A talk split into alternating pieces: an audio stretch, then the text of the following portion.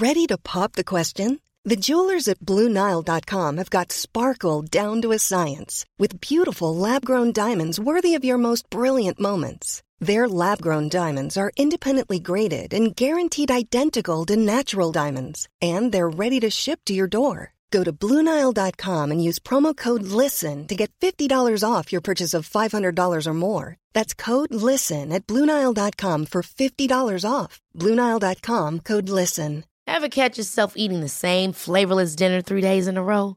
Dreaming of something better? Well, HelloFresh is your guilt free dream come true, baby. It's me, Kiki Palmer. Let's wake up those taste buds with hot, juicy pecan crusted chicken or garlic butter shrimp scampi. Mm. Hello Fresh. Stop dreaming of all the delicious possibilities and dig in at HelloFresh.com. Let's get this dinner party started.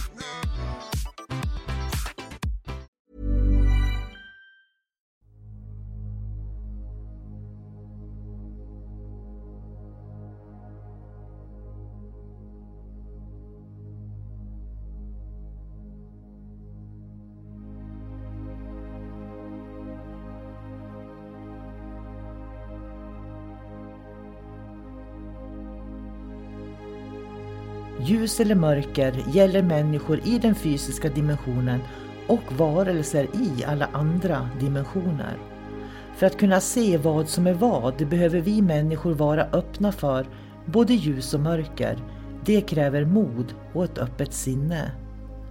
Ljuset ger oss ljus, värme, kärlek, gemenskap, tillhörighet, vänskap och en massa vackra livsupplevelser. När vi talar om mörkret i podden så är det när vi människor upplever förvirring, kaos, hot, angrepp, manipulation, splittring som bidrar till att man känner sig ensam, isolerad och rädd. Att vara i sin egen kraft är att våga se verkligheten för vad den är och där göra medvetna val. Du kan bara kontrollera din värld, dina känslor, din livsupplevelse och det är att vara i sin egen kraft. Varmt välkommen till podden Kosmiska samtal.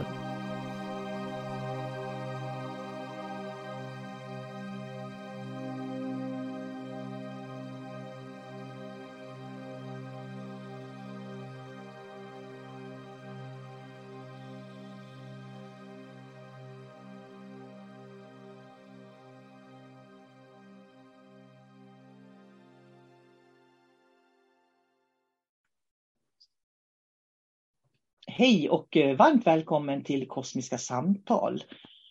Uh, förlåt, du har, du har rakat dig David. Jaha, då, har du inte sett det förrän Nej, jag tänkte att jag tänkte så här, men det är någonting jag känner inte igen David, vad är det för någonting? Nu ser jag att du har rakat bort skägget. Jo, nu har jag fått bort eh, halva Robinson Crusoe-looken. Ja, jag kommer bara av håret kvar.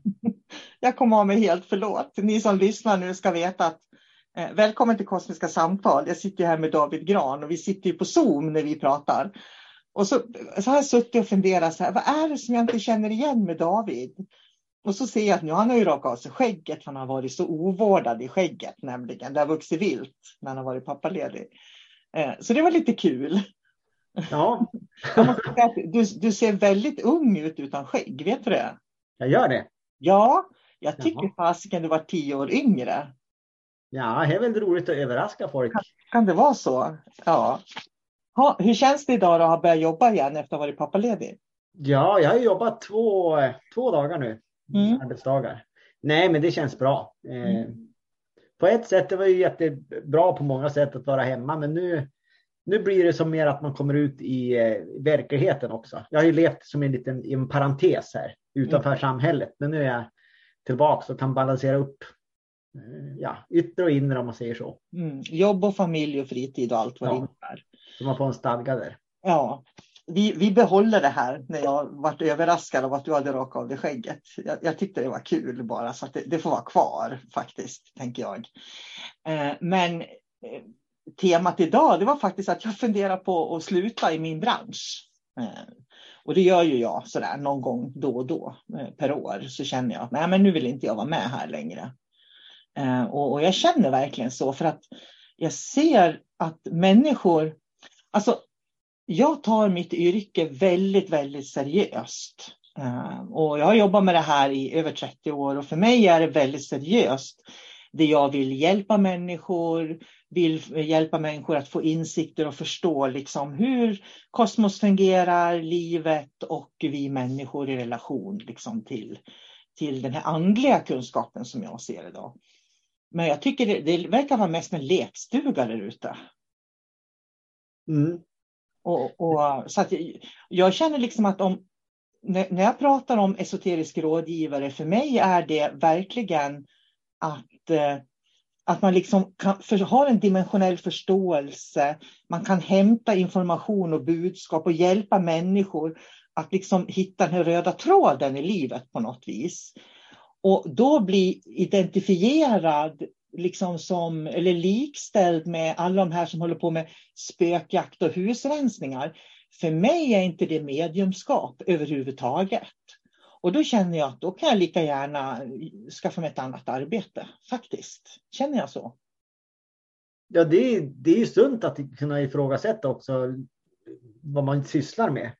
Men, men jag kan ju säga det att, om jag får tala för mig själv, att det här sättet som jag ser på saker och ting, alltså det dimensionella sättet som jag ser på saker och ting, det är ju en del av livet. Alltså i varje, det som jag har lärt mig och kommit fram till nu då, Eh, det tar jag med mig i varje situation. Det är inte direkt så att jag går på fest eller och då är jag på, på ett visst sätt eller att om jag går på och hälsar på kompisar då är jag på ett visst sätt eller när jag ska sätta mig ner och eh, jobba med någon klient så är jag på ett visst sätt utan jag har ju alla beståndsdelar hela tiden och för mig så är det seriöst. Eh, för när, när man tittar på de här spökjakten till exempel, då ser man ju tydligt, ja men det här är ju ett rollspel. Hur beter sig de här människorna när de är hemma då, med kamerorna avslagna till exempel? Och då kan man ju föreställa sig att eh, det, de gör någonting helt annat. Då har de, då har de liksom bytt mode, om man säger så, för att vara modern. Så att eh, för att vara genuin så då ska man kunna ta del av liksom alla dimensioner här och nu i alla situationer. Och, och att kunna behärska det i den här fysiska kroppen som vi har. Så att jag förstår mycket väl din känsla med att eh, om man tittar på, och det finns liksom inom alla kategorier, men om man tittar på eh, pinsamma eh, medium till exempel, som i mina ögon liksom skämmer ut sig själva, de skämmer ut alla andra medium också. För när det kommer liksom okunniga människor och tittar på den där så tror de att alla medium är så där. Och det är där, det är där vi är någonstans nu. Mm. Men det är ungefär som coach, coaching idag. Det finns ju riktigt avancerade, bra coachutbildningar där man verkligen får öva på att eh, med rätt förhållningssätt som coach, i coaching. Och sen finns det de här eh, coachkurserna för eh, 2000 kronor liksom, du ska lära dig att coacha. Och folk tror att de får samma kvalitet på en coachutbildning för 2 500 som de får på en coachutbildning för 40 000. Och, och då, då kan jag liksom känna, vad, vad är det för fel på folk? För att ju, det är ju faktiskt så här att du får vad du betalar för.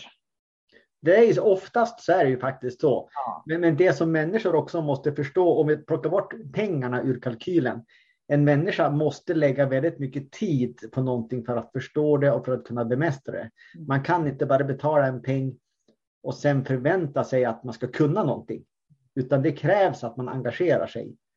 Ska man bli ett duktigt medium till exempel, det krävs att man, man eh, för att hinna förankra all eh, kunskap. Ja, det krävs kanske ett år eller två eller fem eller tio eh, för att liksom komma någonstans. Man kan inte förvänta sig att på, på en helg så ska man kunna liksom vara duktig. Mm. Det, det, är inte så det fungerar, utan det är klart, man, man, eh, när man går en utbildning, ja, men just där och då så är man ju så bra som man kan bli. Men man måste ju titta långsiktigt på det och liksom förstå att det finns en utvecklingssteg eh, hela tiden. Att ju mer jag kämpar, ju mer tid jag lägger i det här, desto duktigare blir man ju hela tiden. Så det är den viktigaste insikten man måste ha i det hela. Men det är ungefär som jag kan ju få mejl från människor som är intresserade av min mediumutbildning då, den här esoteriska utbildningen. Och sen måste man vara med varje helg. Ja, du måste vara med varje helg. kan man titta på det i efterhand om man inte kan vara med? Nej, vi gör övningar tillsammans, föreläsningar tillsammans och har samtal och diskussioner tillsammans. Man kan inte göra det i efterhand. Då missar man ju hela poängen. Och det är det här som jag tycker är så intressant för att det är jättemycket det här, det, det är digitalt, digitalt, digitalt man ska lära sig. Men jag menar att du kan lära dig begränsat digitalt. För då sitter du och läser på eller lyssnar på vad någon annan säger. Men du får ju ingen återkoppling. På, när jag utbildar och har de här liksom, utbildningarna som jag känner liksom att ska du jobba med människor då måste jag veta att du verkligen kan det här för att i nästa steg kunna jobba med människor. Då kan ju inte jag liksom uh, lita på Liksom. Utan då måste de ju ha deltagit i arbetet så att de verkligen har prövat på teknikerna. Men då är du en lärare som tar ansvar där också, hur dina elever utvecklas. Ja, och det är därför jag vet att mina elever får en fantastisk utveckling. För att, och, och det säger många av dem också. Jag vet att jag tillhör eliten i Sverige på lärare vad gäller andliga utvecklingsutbildningar. Eh, jag vet att jag har de bästa utbildningarna. Jag vet att mina elever, om de nu tyvärr skulle välja att sitta på en spårlinje, så behöver de inte ens liksom provjobba, utan de blir anställda direkt. För de, de är så pass duktiga. Liksom. Men det är just den här kvaliteten som jag kan känna. Det är en sak att de vet och vi vet det. Men det finns en väldigt stor del av människor i samhället som inte har fattat vad kvalitet är. Och det tycker jag är skrämmande. Jag tror att det hör också ihop med liksom hur kulturen är nu och har varit liksom de senaste 10-15 åren. Liksom att allting ska vara lättillgängligt, det ska vara snabbt, det ska helst vara gratis. Man ska bara liksom till frukost så ska man kunna titta på någonting. När man kör bil ska man kunna lyssna på någonting och så tror man att det är lärande. Mm. Och sen när man liksom kommer till en situation då man faktiskt har möjlighet att kanske det är en milstolpe i livet. Nu har jag, just nu har jag kommit till en punkt i livet, jag har mött en människa, nu kan jag lära mig någonting väldigt, väldigt viktigt om mitt liv. Men då vill man inte investera i det. Då ser man inte det för att det är för dyrt, det tar för lång tid. Eh, då kanske jag måste skaffa barnvakt. Jag kanske måste ta ledigt från jobbet för att nej, det går. Jag kan inte gå den här utbildningen. Det, det blir för besvärligt, säger man då. Men klart hade man fått det bara eh, hemskickat på en länk på nätet. Då, hade man ju kunnat titta när som helst. Men det är inte så verkligheten fungerar. Men då kan man ju inte säga att man har lärt sig någonting. För mig är det obegripligt hur man kan lära sig såna här. Jag tänker på just, det finns ju många som har distansutbildningar i mediumskap. Där, där man går, får liksom en pdf-fil man ska läsa då och sådär. För mig är det lekstuga. De har ingen aning om vad de håller på med. Därför att energimedvetenhet för mig, det är någonting mycket, mycket större, mycket, mycket mera. Det handlar ju om att kunna möta varje ögonblick när du möter människor på något sätt eh, hela tiden. Och, och, det finns, nu blir jag, jag tycker jag har väldigt bra tekniker. För jag tycker verkligen att det är genomarbetat, min mediumutbildning på alla sätt. Eh, och jag tycker det är synd att människor har gjort det till liksom eh, en hobby att eh, ah, går en mediumutbildning, alla spirisar i Sverige, jag är spirituell. Och så är det så här liksom lilla lekstugan som, eh, som, ett, som ett flick och pojkkalas ungefär. Jag säger ingenting om att människor träffas och utvecklas, det är en sak. Men man måste, tror jag, veta vad är det vi ska lära oss. Vad ska man ha fokus på att lära sig för någonting?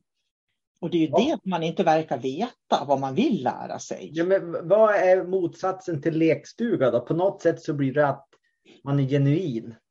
Så att vi måste sträva efter att liksom det som är genuint. Att liksom att leva, leva det som man tror är sin sanning eller vet också. Egentligen kan man aldrig veta någonting. Så att, för, för det är också intressant det du sa, de här spirisarna. För jag myntade ett begrepp för ganska många år sedan. Jag kallar dem för rosa månare.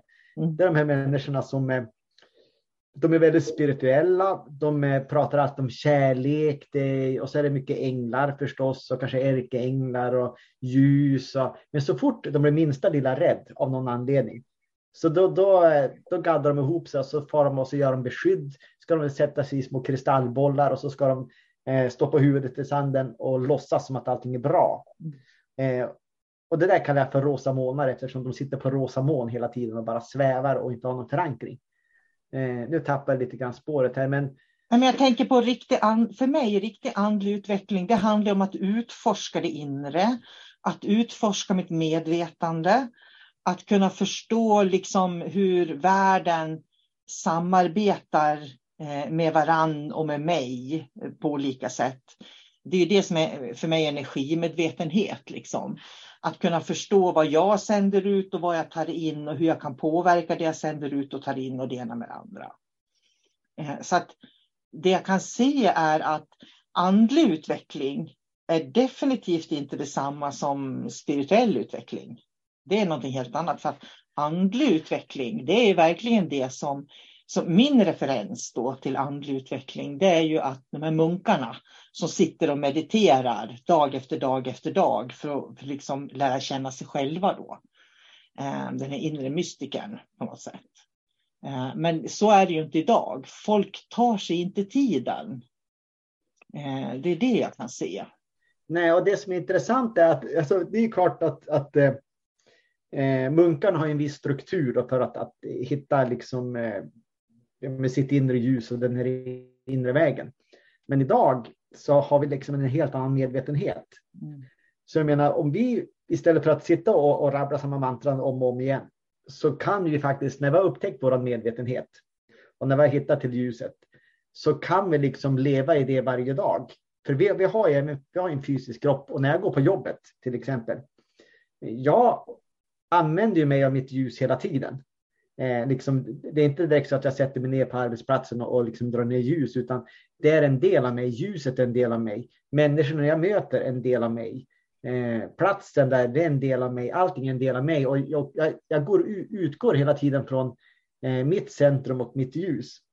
Så att i alla situationer så, så, jobbar jag och ser dimensionellt. Mm. Och, och nu, nu pratar jag från mitt perspektiv.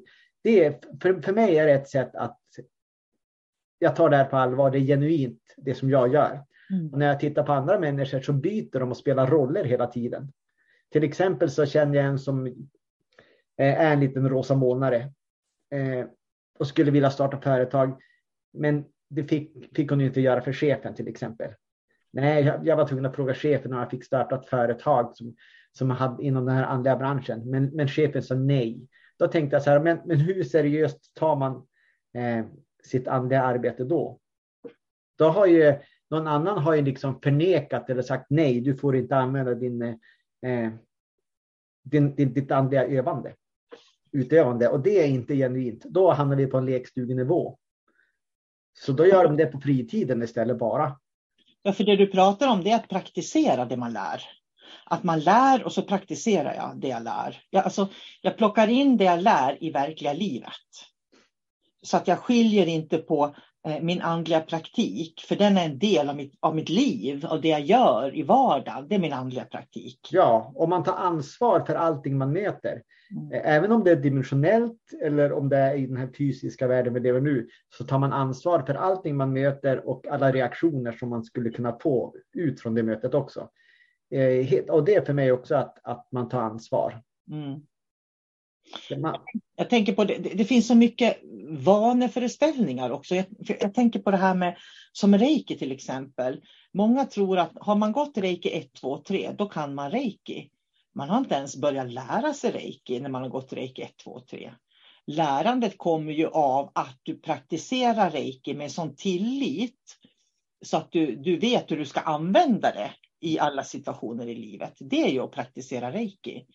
Så att gå en grund eller fortsättning eller en reiki 3, en reiki masterkurs, det innebär ju inte att man kan reiki. Det innebär att man har fått reiki aktiverat, men det är inte samma sak som att lära reiki.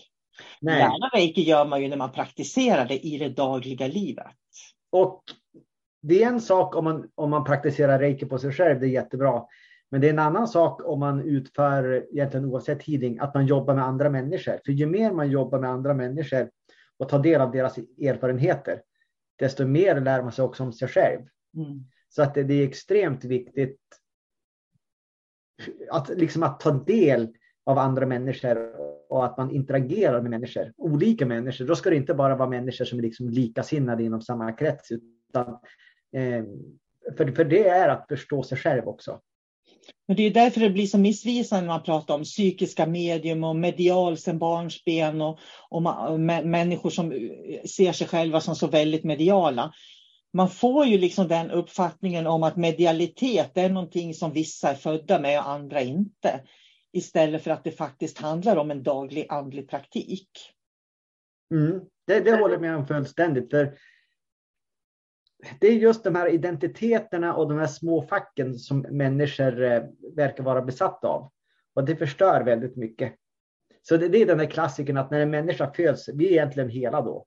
Eh, ett litet barn har ju, den har ju liksom kontakt med, med sitt medvetande och alla dimensioner. Men så fort vi börjar gå in och sätta fack på, på och identiteter på barnen, så då börjar de stänga olika dörrar och så stänger de och stänger och stänger och stänger. Eh, de kanske håller en dörr öppen och så är det någon som säger oh, ditt barn är så medialt för att den kunde göra det här och det här.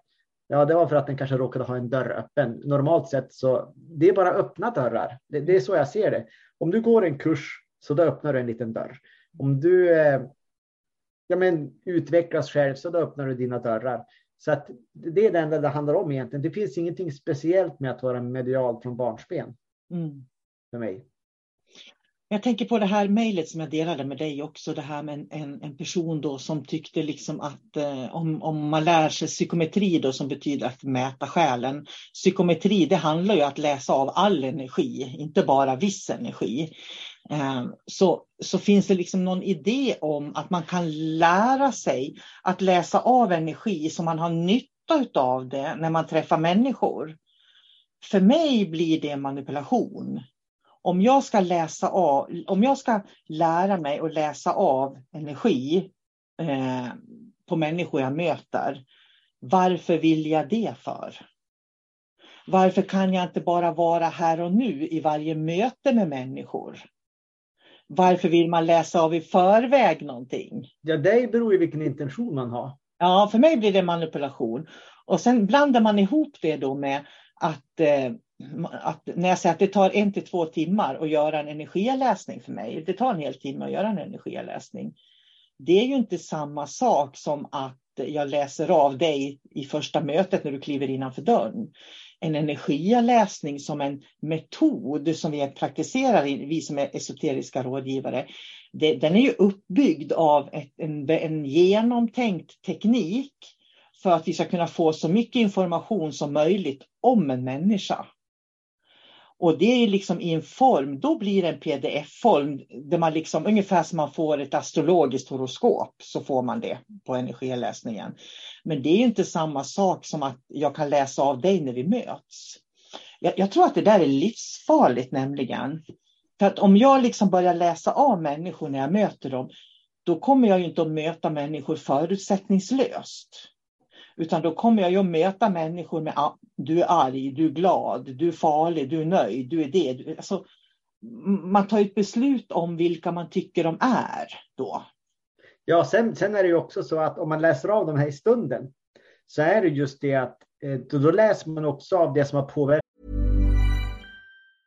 You should celebrate yourself every day, but some days you should celebrate with jewelry. Whether you want to commemorate an unforgettable moment or just bring some added sparkle to your collection, Blue Nile can offer you expert guidance and a wide assortment of jewelry of the highest quality at the best price. Go to BlueNile.com today and experience the ease and convenience of shopping Blue Nile, the original online jeweler since 1999. That's BlueNile.com. BlueNile.com. Ever catch yourself eating the same flavorless dinner three days in a row? Dreaming of something better? Well, HelloFresh is your guilt-free dream come true, baby. It's me, Gigi Palmer. Let's wake up those taste buds with hot, juicy pecan-crusted chicken or garlic butter shrimp scampi. Mm. Hello Fresh. Stop dreaming of all the delicious possibilities and dig in at HelloFresh.com. Let's get this dinner party started. Hey, it's Ryan Reynolds, and I'm here with Keith, co star of my upcoming film, If, only in theaters, May 17th. Do you want to tell people the big news? All right, I'll do it. Sign up now and you'll get unlimited for $15 a month in six months of Paramount Plus Essential Plan on us. Mintmobile.com slash switch. Upfront payment of $45 equivalent to $15 per month. Unlimited over 40 gigabytes per month. Face lower speeds. Videos at 480p. Active Mint customers by 531.24 get six months of Paramount Plus Essential Plan. Auto renews after six months. Offer ends May 31st, 2024. Separate Paramount Plus registration required. Terms and conditions apply if rated PG. Wow. Nice. Yeah. What you're hearing are the sounds of people everywhere putting on Bombas socks, underwear, and t-shirts made from absurdly soft materials that feel like plush clouds. Yeah, that plush. And the best part? For every item you purchase, Bombas donates another to someone facing homelessness. Bombas. Big comfort for everyone. Go to bombas.com slash ACAST and use code ACAST for 20% off your first purchase. That's bombas.com slash ACAST. Code ACAST. De runt omkring. Så att man läser ju inte av det som, de som de är som person egentligen. Nej. Utan det kan vara det att, ja men eh, låt oss säga att eh, ja, men den jag möter har bråkat med sin mamma. Och, och så när han kommer till, till, till mig och då är han jättearg. Jag läser av att han är arg. Jag läser ju inte av varför han är arg på sådana här kort varsel. Och det blir också väldigt missvisande. Så att eh, det är bra att läsa av folk naturligtvis, men man måste gå djupare ner i det här arbetet och, och, och få den här förståelsen också för att kunna använda det här verktyget. Ja, för den här personen liksom skrev så här, får man ens använda energitekniker för att hjälpa ett samtal på vägen utan att den andra personen vet om vad som pågår? Och, och då känner jag liksom, då, man, då har man ju glömt hela syftet med att man skulle använda en energiteknik. Hade det varit en god intention så då hade han ju inte frågat i och för sig. Nej, utan då, då blir det så här, ja, bli- finns det en baktanke? Är det manipulativt? Det är så jag tänker. För mig har alla de här frågorna eh, inte med energimedvetenhet att göra överhuvudtaget. Eh, För energimedvetenhet, eh, för mig energimedvetenhet, det handlar om att jag kan tolka omgivningen så att jag kan vara centrerad i mig själv. Det är energimedvetenhet för mig. Så att om jag kommer in i ett rum och jag känner liksom att här har de bråkat, så, ja, men då vet jag att här är de osams i rummet. Då behöver inte jag göra den energin, den känslan i rummet till min energi. För jag känner att jag är glad och mår bra. Liksom. Eller tvärtom. Jag är på jättedåligt humör så kliver jag in i ett rum där alla bara skrattar och mår bra och så blir jag ännu mer irriterad. Liksom. Då vet jag liksom, det, ja, men det är min irritation, det är inte de i rummet. För mig är det energimedvetenhet. Att veta vad som är mitt och vad som är andras. Och det har ingenting att göra med att man ska läsa av människor för att veta vad som pågår. Då har man andra problem, menar jag. Sen är det en annan sak också om, eh, om det är något som specifikt kommer till, ja, men till dig till exempel och säger jag vill ha en, en energiavläsning för att jag har vissa problem som jag skulle vilja jobba med. Och då är det en helt annan femma. Då är det liksom de som har kommit till dig. Då får man ju också ett syfte. Du men- har ett problem och, det här, och vi ska lösa det genom att göra en energiavläsning. Ja, men som att säga att om vi nu återigen, om jag tar mig som exempel, mitt sätt att leva andligt, eh, det är egentligen att när man har kontroll på, på energimedvetenheten, att leva andligt är att vara neutral. Mm. Vara neutral i, i, eh, i sina känslor, i sina, och hålla sig själv liksom, man, man ska vara observatör. Då lever man ett andligt liv. Till exempel om jag är på min arbetsplats. Jag möter mycket människor. Jag är neutral. Jag tar inte på mig deras känslor och förhoppningsvis så ger jag inte ut känslor till andra heller. Och då kan vi mötas på en neutral grund. Mm. För, för jag måste ändå säga det att min specialförmåga är att inte ta någonting personligt. Mm. En del är jättearg på mitt jobb av naturliga skäl. Eh, en del är glada, men det spelar ingen roll egentligen om de är arg eller glad.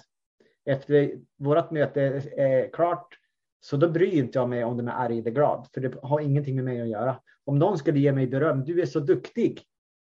Ja, men det har inte med mig att göra. Det är den andras åsikt. Om Mm. någon skulle säga var arg på mig inom rimliga gränser då, säga det här är ditt fel, om jag vet att det inte är mitt fel, då har det ingenting med mig att göra. Så att liksom bara förstå att jag är neutral här och nu eh, och liksom bara låta det vara så. Det är också ett sätt att vara eh, i den här andligheten. Och det är ingen lekstuga det man gör. Mm. Och det, det, du sa nu, det, det, är energimedvetenhet. Det jag menar är energimedvetenhet. För att har man den energimedvetenheten att man inte tar någonting personligt, man, man observerar vad som händer och så tar man beslut utifrån det, hur man ska agera om man ska agera. Då är man energimedveten.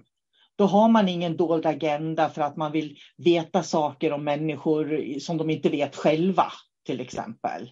Nej. Utan du möter allting precis där det är hela tiden. Och för mig är det andlig utveckling. Det är dit jag tror att många, jag tror att många människor, om de kunde komma dit, då skulle de må bra. Det, det tror jag också. Mm. För jag tror att människor mår inte bra därför att man tar saker och ting personligt, man lägger sig i, man, man känner sig lurad, sviken. Det är en massa, massa känslor som pågår hela tiden. Eller att man känner sig väldigt duktig också, så att man måste ja. påvisa saker och ting. Som till exempel, nu återigen så tar jag mig själv som exempel.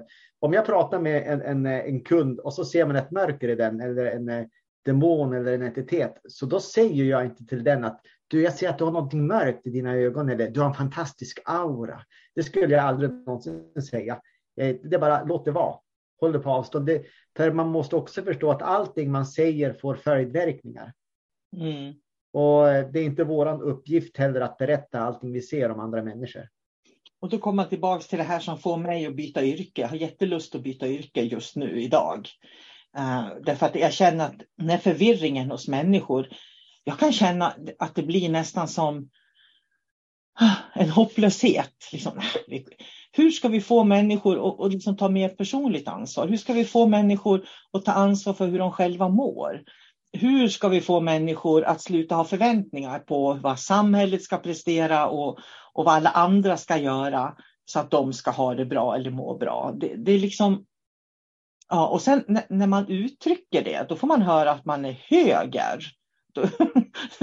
jag tycker det är ännu värre nästan. ja, vi, fick ju ett mejl om det att, eh, eh, ja, att vi, eftersom vi, vi pratar väldigt mycket om ansvar, personligt ansvar, ja. så fick vi ett brev här som, som tyckte att eh, ja, men ungefär som att vi, att vi är på högerskalan och eh, vårt synsätt är, det hjälper ju inte liksom de som är svaga och vad, vad, hur, de som går på bidrag till, till exempel, hur ser ni på dem? Och så, det var på den nivån. Och det är liksom menar, helt sjukt. För, för jag menar om, om alla människor levde ärligt och sant, vilket innebär att jag försöker inte få eh, eh, assist, assistanspengar om jag inte behöver assistans. Jag försöker inte lura till mig någonting av Försäkringskassan eller staten eller vad det nu kan vara. Utan vi låter dem som verkligen har behov få använda de pengarna. Men istället så lever vi i ett samhälle där människor ska lura till sig så mycket som möjligt. Och det värsta som jag någonsin har hört var faktiskt när, när jag hörde att jag tänker inte betala ett öre skatt till i hela mitt liv. Jag bara, nej. Och vem ska betala för vägarna som plogas, skolorna, skolmaten? Eh, alltså, ja. kanske, är det jag och David som ska göra det? liksom. Jo, vi, må, vi, måste ju betala ambulansföraren också så att de kan ja. hämta dig som, som inte vill betala skatt när du har fått en stroke också. Ja. Förstås. Och brandkåren också ska vi betala. Ja, ifall att det börjar brinna i deras hus. Så är det. Menar, man har ju ett kollektivt ansvar för varandra. Mm. Det är så enkelt är det ju. Och det där förvånar mig lite grann att inte människor varför, varför blir människor så giriga? Jag förstår inte riktigt det. Jag, jag, jag, verkligen att det, jag har liksom en sån här time-out i huvudet där. För jag kan inte förstå den girigheten som människor drabbas av. Nej, men det jag vet inte om det är fostran eller tidens tand eller någonting, men på något sätt ju mer isolerade människor är, desto mer börjar de också, deras instinkter tror jag triggas mer och mer. Eh, en gång i tiden så var vi liksom en flock. Vi tog hand om varandra, vi bodde i byar, alla skulle ha det bra för de visste ju att eh, om jag hjälp, hjälper grannen så hjälper grannen tillbaks. Och, eh, man levde liksom i symbios. Men nu lever vi i våra små lägenheter, man hälsar inte ens på grannen och eh, jag vet det är bara att sträva efter liksom ära och pengar på något sätt. Mm. Berömmelse, är, ära är fel ord, för det är ingen som vill ha ära idag, för det krävs hårt arbete med det. Men berömmelse är det många som vill ha på olika ja. sätt. Så att det, det, är väl eh, tidens tand på något sätt. Men det är inte så många som vill bidra. Men eftersom du och jag är, är höger så då, då bekommer det inte oss. Vilken tur att vi är gifta med vänster då, eller hur? Ja. folk, det är ganska spännande för folk vet så lite om oss egentligen, vad vi gör och hur vi mm. lever faktiskt. Så är det. Men jag tänker på det här med vad som får mig att vilja byta yrke. Det är ju när, när eh, ja, det kanske man skulle summera då, så kanske det är när det börjar komma in pengar. Jag menar, jag tar ganska bra betalt för det jag gör. Eh, därför att jag vet att det de får är bra också. Så jag vet att man får någonting för pengarna. De får kunskap, verkligen. Sen så, så, känner jag dig och jag vet ju hur extremt mycket tid du lägger, lägger ner på det här också. Mm. Det är inte liksom att eh, det är inte bara att ta fram en utbildning hur som helst. Nej. Eftersom din utbildning är ju baserad på egen erfarenhet. Mm. Och du har gjort det egna tunga jobbet som du gör varje dag. Mm. Jag menar, det finns ju de jag skulle lätt kunna göra det om jag inte hade några moraliska krav. Eh, och jag vet att det finns andra som gör det också. Man sitter en kvart och så snör man ihop någonting, eh, en utbildning som ser bra ut på pappret. Och sen pratar man lite eh, saker och ting som man vet folk vill höra om. Och så gör man en utbildning.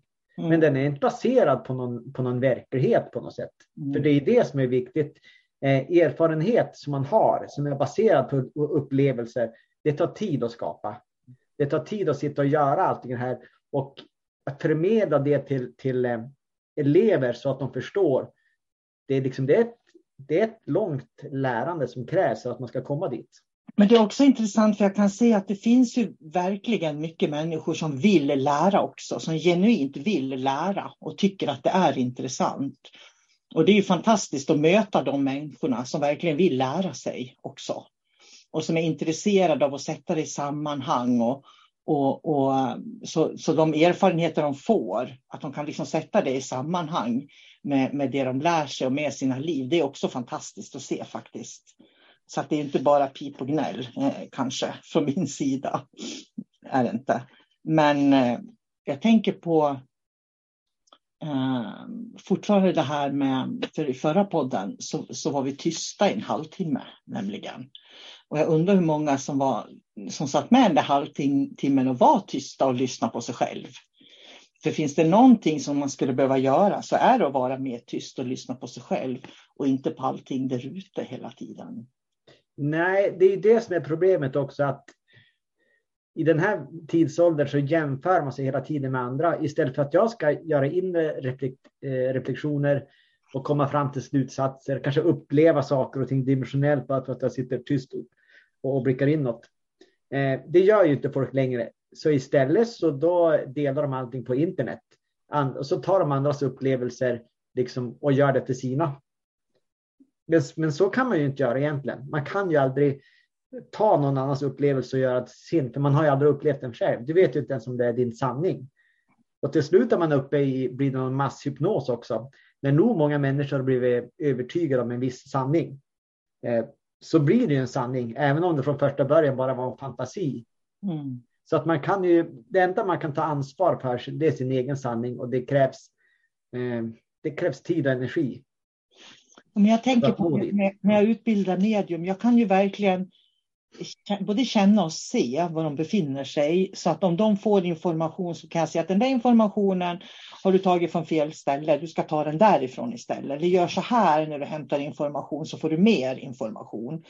Alltså det, det, grejen är att det går så tydligt att se eh, på, som symbolik till exempel. För all symbolik har vibrationer. Så är det symbolik som kommer från min värld eller från din värld eller någon annanstans ifrån, det är olika vibrationer i den. Och det går att lära sig att skilja på vad som är vad. Men många vet inte det, utan de liksom, en symbol, det tolkar man så här, en symbol, det tolkar man så här. Men varje symbol har en känsla, en vibration också. Och det är där informationen finns. Och det är också där som, som vikten av att ha en, en bra lärare, gärna fysiskt, eh, de kan svara på de här frågorna och se de här sakerna. eh, jämfört med att man köper någon digital kurs någonstans. För då du kan ju inte aldrig... lära dig det via en pdf-fil eller en bok. Det går ju inte. Nej, det är helt omöjligt. Hur ska en lärare kunna liksom, eh, hur ska man kunna ställa mm. frågor till en lärare? Eller om läraren ser saker och ting som inte eleven har uppmärksammat själv. Så att man missar ju otroligt mycket eh, om man för, försöker lära sig själv. Mm. Att i, I början så, som, så måste man ha de här eh, stödhjulen. Det, det, det går inte att komma ifrån. Helt enkelt. Ja, det är spännande det där. Ehm, jag kommer väl antagligen att känna mig motiverad att jobba igen misstänker jag. Ehm, men ehm, just nu så känns det lite grann som att vad är det för mening med det jag gör? Liksom så tillförde människor någonting överhuvudtaget? Eftersom jag får en massa mejl där människor tycker att jag ska använda min, min fritid till att sitta och besvara frågor som de har personligen. Jag menar, är man intresserad av olika saker som vi tar upp i poddar eller så där, boka en tid för vägledning. Så att, så att människor liksom får veta. Eh, för, för det, det, går liksom inte att säga, svara, om man får en fråga liksom som, som det här då som jag fick då till exempel. Eh, eh att en energiläsning kan ta en till två timmar, vilket är en lång tid. Och hur kan man, får man använda de här energiteknikerna då på människor man möter? Alltså, då behöver man ju verkligen fördjupa sig och förklara skillnaderna för människor.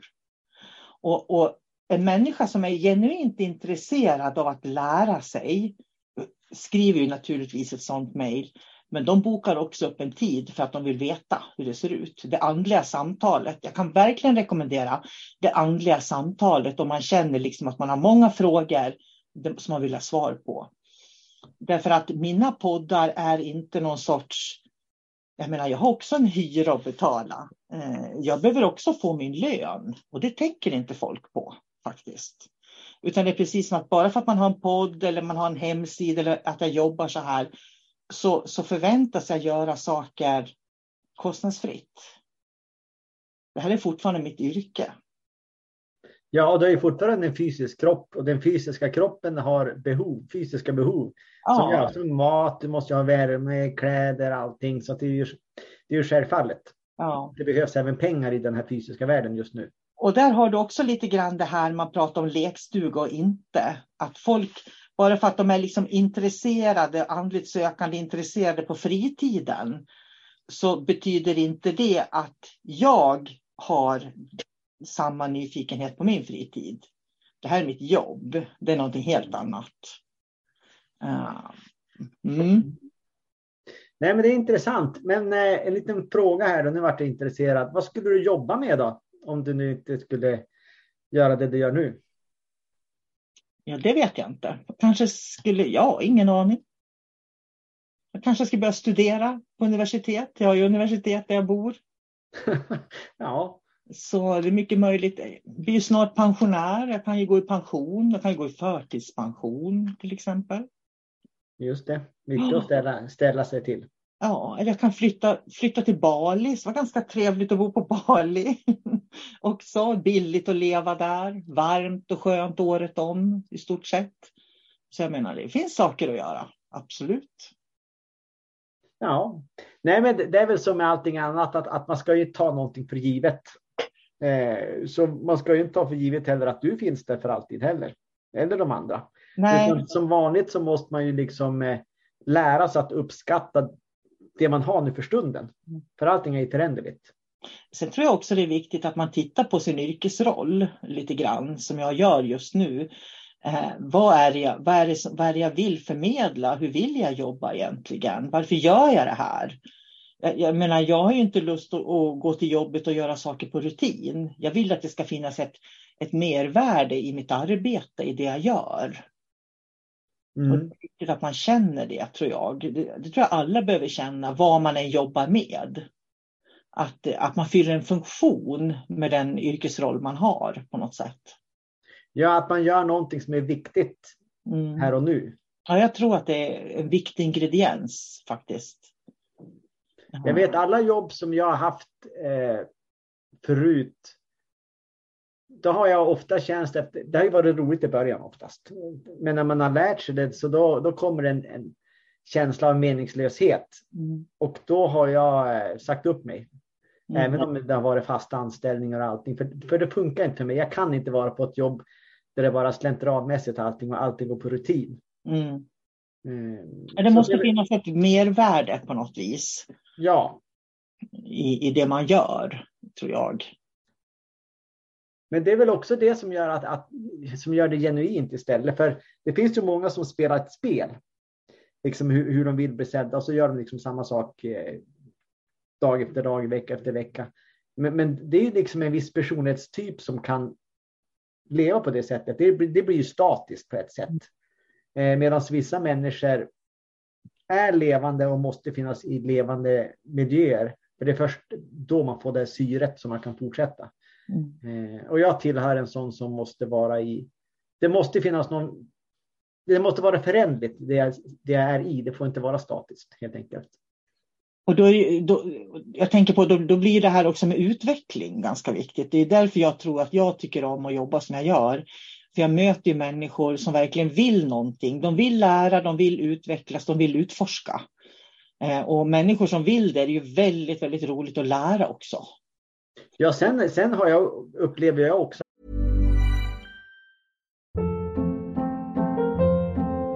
Hold up. What was that? Boring. No flavor. That was as bad as those leftovers you ate all week. Kiki Palmer here, and it's time to say hello to something fresh and guilt-free. Hello Fresh. Jazz up dinner with pecan-crusted chicken or garlic butter shrimp scampi. Now that's music to my mouth. Hello Fresh. Let's get this dinner party started. Discover all the delicious possibilities at hellofresh.com. Imagine the softest sheets you've ever felt. Now imagine them getting even softer over time. That's what you'll feel with Bowl and Branch's organic cotton sheets. In a recent customer survey, 96% replied that Bowl and Branch sheets get softer with every wash. Start getting your best night's sleep in these sheets that get softer and softer for years to come. Try their sheets with a 30-night guarantee. Plus, get 15% off your first order at bowlandbranch.com. Code BUTTERY. Exclusions apply. See site for details. att människor som är intresserade och hängivna, de lär ju mig också väldigt mycket. För i min filosofi så, så vi delar ju samma medvetande. Så att om jag kan liksom ta en del av en annan människas liv och så kan jag, har jag också upplevt liknande saker som den och så kan man börja jämföra och så förstår jag det att det som jag lär av den där personen, det kan jag också applicera på mitt liv. Mm. Om än det är liksom i, vi har olika fysiska kroppar så finns det en tillhörighet där. Mm. Så att det är väldigt intressant eh, hur man kan lära av människor, tycker jag. Jag tycker det är spännande. Och vi ska avsluta den här podden som jag inte tror egentligen förde något, något vettigt med sig som så. Annat än att det här med att ta personligt ansvar. Eh, vill man känna en djupare andlig närvaro hos sig själv, då ska man verkligen ta ett större personligt ansvar för allt man möter i livet. Eh, jag tror det eh, är en nyckel faktiskt.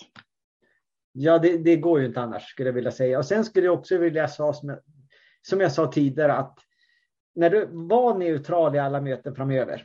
Eh, man behöver inte gå och predika sin tro överallt. För det skapar oftast mer konflikter och det, det gör mer, vad ska man säga, ont än nytta till exempel. Så att, att möta alla all andra människor på en neutral grund. Mm. Det är liksom det viktigaste vi kan göra. Och se vad som händer med dig när du gör det. För det kan hända mycket inom oss när vi gör det. Det är där vi kan lära känna oss själva. Eh, väldigt bra faktiskt, när vi gör det. Tack för dagens samtal, eh, David. Ja, men tack själv, Sol-Carina. Mm. Hej då. Hej då.